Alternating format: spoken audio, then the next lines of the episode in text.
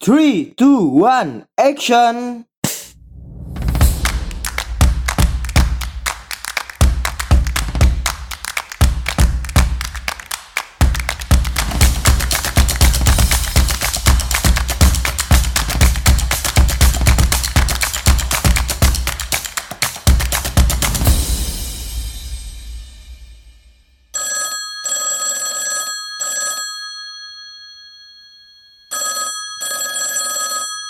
Halo, selamat datang kembali di Pod by MA, tentunya di Anak Komunikasi.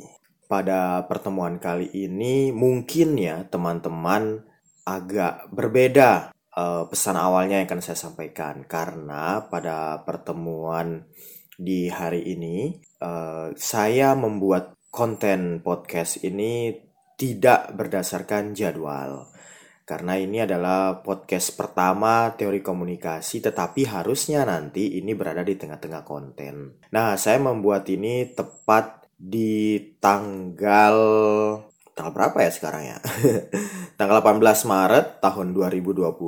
Nah, saat ini uh, pihak pemerintah meminta beberapa bahkan semua ya instansi-instansi sekolah perguruan tinggi untuk mengadakan kuliah di rumah atau kuliah online.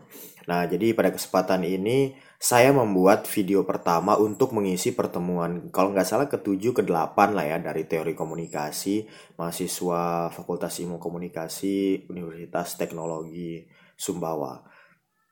Nah, jadi saya akan membuat video ini tepat di tengah-tengah perkuliahan tetapi nanti akan ada video-video sebelumnya dibuat setelah ini malah ya. Jadi ini video pertama tetapi konten untuk pertengahan materi. Nah, para pendengar by MA, pada pertemuan kali ini saya akan menjelaskan tentang tabel kekuatan teori. Mungkin sudah pernah membaca atau pernah mendengar dari teman-teman mahasiswa tabel kekuatan teori. Ini sangat penting menurut saya karena dari sini kita bisa mengetahui ada beberapa kekuatan-kekuatan dalam uh, teori tersebut. Ada ratusan, ribuan, bahkan mungkin bisa puluh ribuan mungkin ya teori komunikasi yang ada di dunia ini yang muncul. Ya, jadi seperti kita pahami bahwa teori komunikasi itu bukan sesuatu yang mutlak.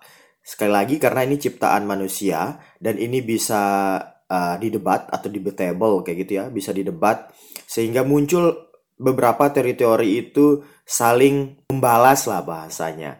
Jadi teori ini membahas tentang misalkan tentang komunikasi orang ketika menonton televisi itu langsung terpengaruh kayak gitu. Pada konteks itu benar-benar terjadi teori komunikasi tersebut. Tetapi ada setelah misalkan 3, 4, 5 bahkan 10 tahun ke depan gitu, ketika orang misalnya sudah mengerti tentang media atau televisi, mereka nggak akan terpengaruh. Bahkan manusia itu memiliki cara untuk uh, akhirnya uh, mengganti tayangan televisi sehingga bukan lagi komunikan atau penontonnya itu pasif tapi mereka juga aktif kayak gitu.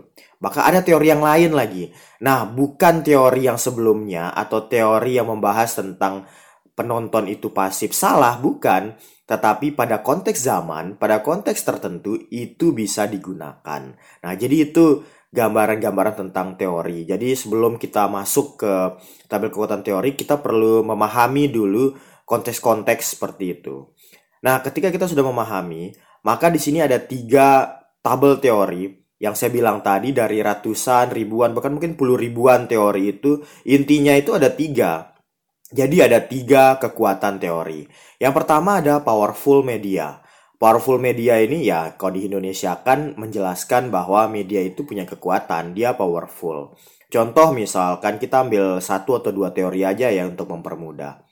Teori jarum suntik. Nah, ini teori jarum suntik saya akan tidak saya tidak akan menjelaskan secara detail ya bagaimana sejarah dan lain-lainnya. Tetapi teori jarum suntik ini menjelaskan seperti yang saya contohkan tadi. Sama seperti jarum suntik, orang itu langsung terpengaruh ketika menonton sebuah tayangan media. Nah, di sini menjelaskan bahwa si medianya itu memiliki kekuatan yang besar dibandingkan si penonton. Nah, itu uh, simpelnya untuk menjelaskan. Yang kedua ada powerful audience. Nah, powerful audience ini kebalikannya dari itu. Jadi melihat bahwa si penontonnya atau si komunikannya itu aktif dan dia itu tidak pasif. Contoh misalnya teorinya uses and gratification. Ini teori yang sangat sering digunakan ketika menjelaskan bahwa si komunikan atau penonton itu uh, aktif ya. Jadi uses and gratification ini menjelaskan bahwa ketika seseorang menggunakan sebuah media, mereka bisa memiliki kemampuan untuk mengganti tayangannya, untuk memilih media mana yang cocok dengan mereka. Nah, di kelas mungkin sering saya berikan contoh ketika saat ini ada banyak sekali platform-platform media online, contoh misalkan Facebook, Twitter, Instagram, kemudian YouTube, ada Line, ada WhatsApp, dan lain-lain lah, ada banyak sekali. Nah, pertanyaannya adalah, apakah kita semuanya menggunakan platform tersebut? Mungkin ada juga yang semuanya ya, tapi kebanyakan itu juga tidak menggunakan. Contoh misalkan saya, saya kalau Twitter pasif, saya ada cuma dulu waktu saya kuliah di Jogja itu itu apa ya lebih banyak saya gunakan. Kemudian Line saya nggak punya, YouTube saya punya, tapi uh, saya ubah-ubah baru-baru ini saya perbaiki lagi. Kemudian orang misalkan yang tidak menggunakan Instagram atau Facebook gitu. Nah, pertanyaannya kenapa mereka tidak menggunakan itu? Ketika mereka itu menyampaikan, oh satu terlalu banyak, kedua sama aja sih kegunaannya, ketiga nggak banyak yang gunakan di Sumbawa atau misalkan di daerah-daerah lain nggak banyak yang menggunakan itu sehingga nggak penting-penting amat. Nah itu menjadi alasan sehingga komunikan atau seseorang itu memiliki kemampuan untuk tidak menggunakan salah satu media. Nah, inilah dijelaskan di teori uses and gratification. Dalam artian menjelaskan bahwa si komunikan atau orang yang menggunakan media tersebut itu aktif. Mereka punya kemampuan. Bisa jadi misalkan seperti konteksnya saat ini. Ketika kita menonton YouTube, kita punya banyak sekali bahkan ratusan ribuan konten-konten yang kita punya kemampuan untuk meskip kemudian mengganti tayangannya dan lain-lain. Sama halnya dengan misalkan ada banyak sekali tayangan-tayangan televisi kita next next next kita bisa ganti misalkan RCTI kita bosan kita ganti dengan uh, SCTV, CTV kita bosan kita ganti dengan NetGeo dan lain-lain. Jadi ada banyak sekali kemampuan-kemampuan yang bisa kita gunakan untuk tidak menggunakan atau mengonsumsi media tersebut. Nah, ini yang dijelaskan di teori uses and gratification. Dalam artian menjelaskan powerful audience. Dan yang terakhir, ini ada yang namanya limited effect. Jadi ada kekuatan teori itu yang limited effect. Dia itu besar tetapi dalam konteks-konteks tertentu atau dalam masa-masa tertentu. Nah, contohnya misalkan cultivation. Nah, cultivation ini secara simpel dijelaskan bahwa orang itu konteksnya di cultivation ini terpengaruh karena menyaksikan tayangan-tayangan yang horor dan kekerasan. Ketika setelah nonton mereka takut keluar, mereka takut ke kamar mandi dan lain-lainnya. Tetapi di cultivation ini menjelaskan ada orang-orang yang langsung terkena, tapi ada juga yang tidak langsung terkena. Ada yang disebut dengan orangnya itu yang menonton beberapa jam misalkan hanya 2-3 jam itu tidak akan langsung memberikan efek tapi ketika dia menonton yang besar sekali gitu misalkan sampai 8, 9, 10 jam sekali menonton itu akan langsung terpengaruh nah ini yang dimaksud dengan limited effect. Jadi ada tiga tabel kekuatan teori yang dijelaskan di teori komunikasi. Yang pertama adalah powerful media yang menjelaskan bahwa medianya memiliki kekuatan. Kedua adalah powerful audience atau audiensnya yang memiliki kekuatan dan limited effect. Yang pertama adalah kekuatannya uh, kuat tetapi ada limited efeknya gitu ya. Jadi ada terbatas efeknya itu sehingga tergantung beberapa konteks-konteks baru mereka itu terpengaruh atau langsung merasakan media itu sangat kuat. Nah, dalam artian para pendengar Pod by MA ini menjadi salah satu acuan kita untuk melihat teori. Dan sekali lagi yang saya jelaskan tadi, di sini tidak bicara konteks benar salah. Kita nggak bilang bahwa memang selamanya medianya kuat, audiensnya kuat, atau kadang-kadang itu limit efek. Tidak seperti itu. Nah, di sinilah bahwa pemahaman kita, teori itu hadir karena konteks-konteks ruang dan waktu. Dan apa yang akan diamati oleh si pembuat teori itu. Nah, kemudian yang menjadi penting di dalam teori komunikasi ini kita membahas tentang formula Harold Laswell atau media dijadikan alat propaganda. di pertemuan-pertemuan sebelumnya ini sangat penting untuk kita pahami. Ada beberapa tingkatan-tingkatan atau yang perlu dilihat di dalam teori komunikasi itu. Ya, sama seperti yang kita sering sampaikan ya struktur komunikasi. Kalau Laswell menjelaskan pertama who atau sender, say what itu pesan, in which itu medianya apa, to whom itu receiver atau si penerima, kemudian with what effect atau efeknya. Nah, dalam teori tersebut itu kategori-kategorinya harus ada lima-limanya ini. Sama halnya dengan struktur komunikasi itu ya. Ada komunikator, ada media yang menyampaikan pesan, kemudian ada komunikan dan efeknya seperti apa. Nah, di sinilah kita bisa melihat kekuatan tabel teori ini dengan lima pendekatan yang tadi itu. Yang sebenarnya tidak perlu saya jelaskan lebih detail, karena ini hampir sama dengan, bukan hampir ya, memang ini penjelasan tentang struktur komunikasi. Dan selanjutnya ada perbedaan antara model dan teori komunikasi. Teori itu menjelaskan sesuatu dengan sangat mendalam, sedangkan model menjelaskan segala sesuatu dengan singkat dan lebih ke intinya saja atau ke gambaran-gambarannya saja. Jadi, misal seperti saya sebutkan tadi itu ketika komunikatornya lebih kuat atau medianya lebih kuat, maka gambarannya adalah komunikator, kemudian dia yang lebih kuat baru dia mempengaruhi si komunikannya. Begitu juga ketika komunikannya kuat, maka itu yang memiliki kemampuan untuk mengatur-ngatur media adalah komunikannya itu sendiri. Nah, kemudian teori komunikasi selain dari kekuatannya itu juga terbagi menjadi dua. Ada yang transmission teori, ada yang meaning based teori. Yang pertama transmission teori adalah teori itu dipandang sebagai sebuah proses. Tadi seperti yang kita jelaskan, penyampaian pesan dari komunikator ke komunikan. Nah, kemudian ada stimulus yang diberikan untuk memberikan efek seperti itu. Nah, kemudian yang kedua ada meaning base atau komunikasi dipandang sebagai pembuat makna.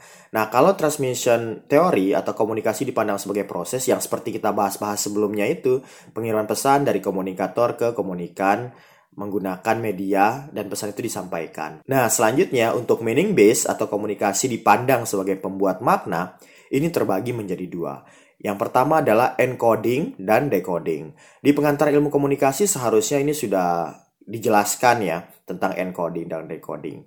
Encoding dan decoding ini itu adalah proses pembuat makna. Sama-sama membuat makna. Tapi apa? Makna yang bagaimana? Ya, penjelasannya seperti ini. Encoding itu merupakan pengubahan makna dan ide di otak menjadi simbol berdasarkan kesepakatan. Yang kedua adalah decoding memahami makna ke dalam benak. Seperti itu. Nah, contoh keduanya ini seperti ini lebih mudah. Misalkan si A kayak gitu ya, dia seorang laki-laki yang bersama keluarganya itu sangat dekat dan untuk mengungkapkan rasa kasih sayang kepada sahabat-sahabatnya, orang-orang terdekatnya itu dengan cara bunga. Hanya sahabat ya, bukan cinta gitu, hanya sahabat saja.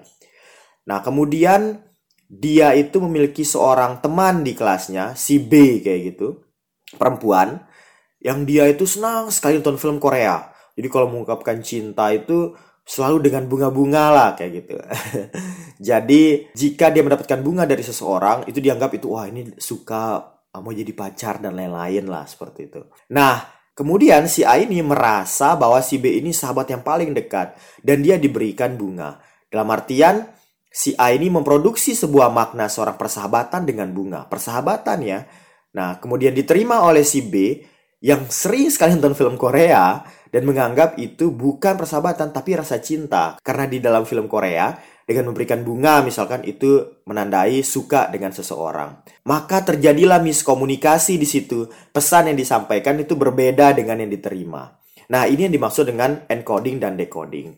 Encoding prosesnya itu terjadi ketika si A itu memproduksi sebuah makna persahabatan. Dia memproduksi sebuah makna dari otak menjadi sebuah benda, yaitu adalah bunga. Sedangkan decoding si B itu memproduksi dari sebuah bunga itu menjadi di otaknya, transfernya di otaknya. Tetapi berbeda makna yang disampaikan yang sebenarnya bunga itu adalah persahabatan menurut si A, tapi si B ini adalah percintaan atau kasih sayang, melebihi persahabatan lah seperti itu. Nah, oleh karena itu inilah penjelasan-penjelasan tentang encoding decoding di dalam teori komunikasi yang dipandang sebagai pembuat makna. Nah, jadi ada dua model dari teori komunikasi itu. Yang pertama adalah transmission teori yang kita jelaskan dari kekuatan teori tadi itu ya atau penyampaian pesan dari komunikator yang komunikan kemudian komunikan itu menerima pesan dan memberikan efek. Yang kedua adalah meaning base yang di dalamnya ada encoding dan decoding sama-sama pembuat makna. Dan kadangkala orang itu tidak harus sama makna yang diberikan oleh orang lain ya jika itu dalam kategori transmission teori itu disebut sebagai miskomunikasi. Tetapi dalam meaning base itu dianggap sebagai proses encoding decoding yang tidak harus sama pesan yang diterima dan pesan yang dikirimkan oleh si pembuat pesan itu sendiri. Ya, Demikian eh, teman-teman uh, untuk pertemuan kali ini yang perlu saya jelaskan. Intinya itu adalah transmission teori atau komunikasi dipandang sebagai proses yang tadi kekuatan teori kita lihat. Yang kedua adalah meaning base atau komunikasi dipandang sebagai pembuat makna. Nah, ini adalah perluasan atau penjelasan-penjelasan tentang kelanjutan dari teori komunikasi. Ada banyak lagi yang akan kita jelaskan pada pertemuan-pertemuan selanjutnya. Tentunya tetap dengerin Pod by MA di program Anak komunikasi. Yao.